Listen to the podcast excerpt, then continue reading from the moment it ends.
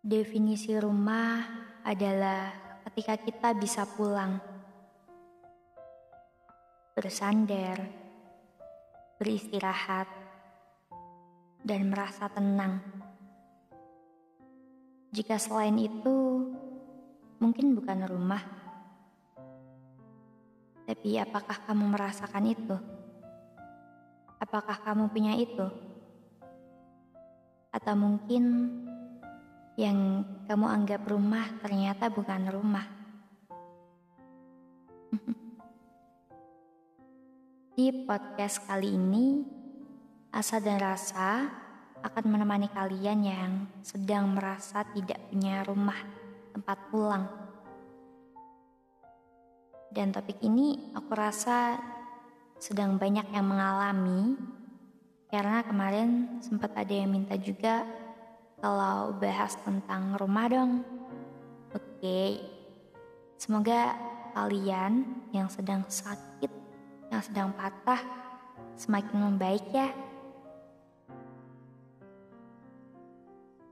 Aku selalu menganggap bahwa rumah itu pasti ada, tapi rasanya yang belum tentu ada punya rumah gak sebagai tempat bersandar dan istirahat. Apakah bisa dibilang rumah? Merasa jauh lebih capek dan gak tenang. Atau mungkin itu bukan rumahku. Tapi mengapa dibilang rumah?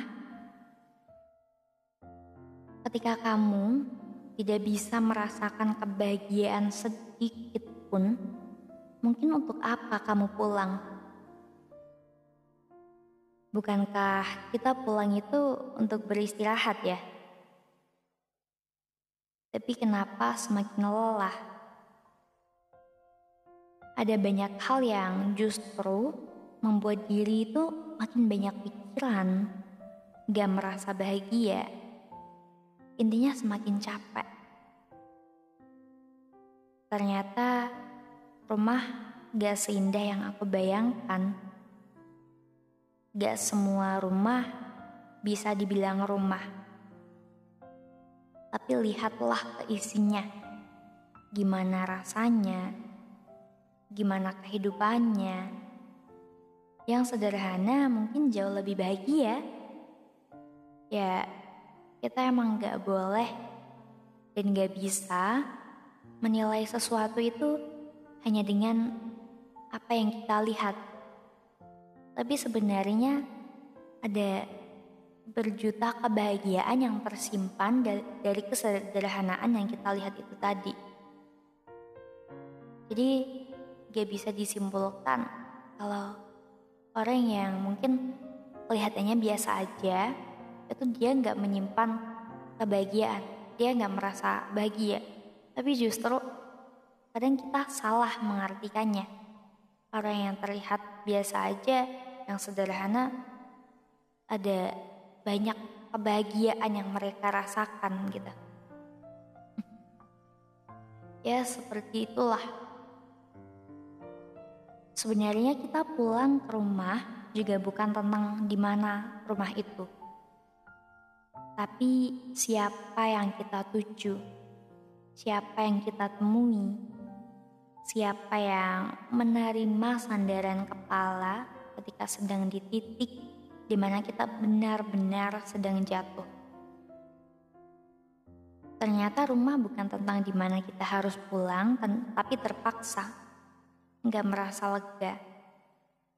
Dan bukan hanya itu, Rumah juga tempat di mana kita bisa berbagi kebahagiaan, bukan hanya untuk meluapkan kesedihan, tapi juga untuk berbagi kebahagiaan.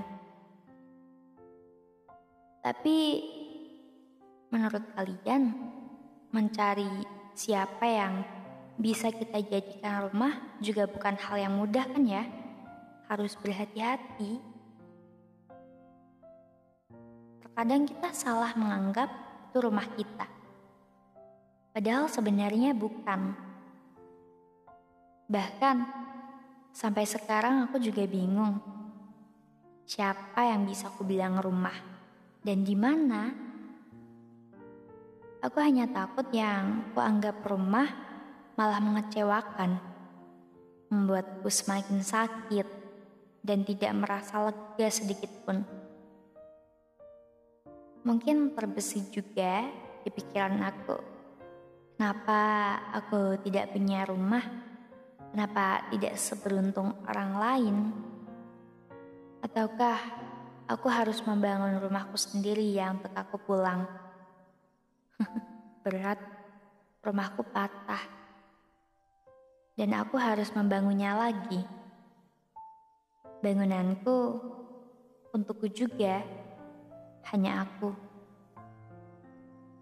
Tapi pernah gak sih berpikir kalau kalian itu juga berusaha menjadi rumah untuk orang lain? Berusaha menerima keluh kesahnya, menjadi tempat bersandar, dan menjadi pendengar. Ya benar-benar jadi tempat pulang sebagai rumah. Tapi ketika kamu butuh rumah, gak ada satupun ya yang bisa didatangi, yang bisa dijadikan tempat pulang. Seolah-olah dunia itu sedang tidak tahu kondisimu. Sengaja, ya apa mungkin takdirnya emang begitu? Hmm, harus gitu ya. Menjadi rumah untuk diri sendiri. Karena memang yang kita anggap rumah bukan rumah. Sebenarnya yang salah menganggap itu kita atau rumah itu yang gak ada. Entahlah, rumah memang rumit. Haruskah kita berpikir gak usah ada rumah juga gak apa-apa? Jujur ya, kita itu butuh rumah.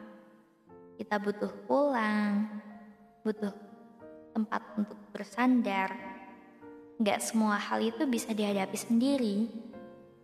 Istirahat perlu. Tapi ketika gak ada tempatnya, lalu bagaimana? Apakah menumpu semua beban, menumpu semua hal pikiran itu di kepala dan pundak kita?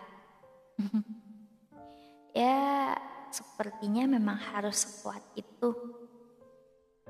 Harus semangat dan selalu berusaha buat jadi rumah untuk diri kita sendiri.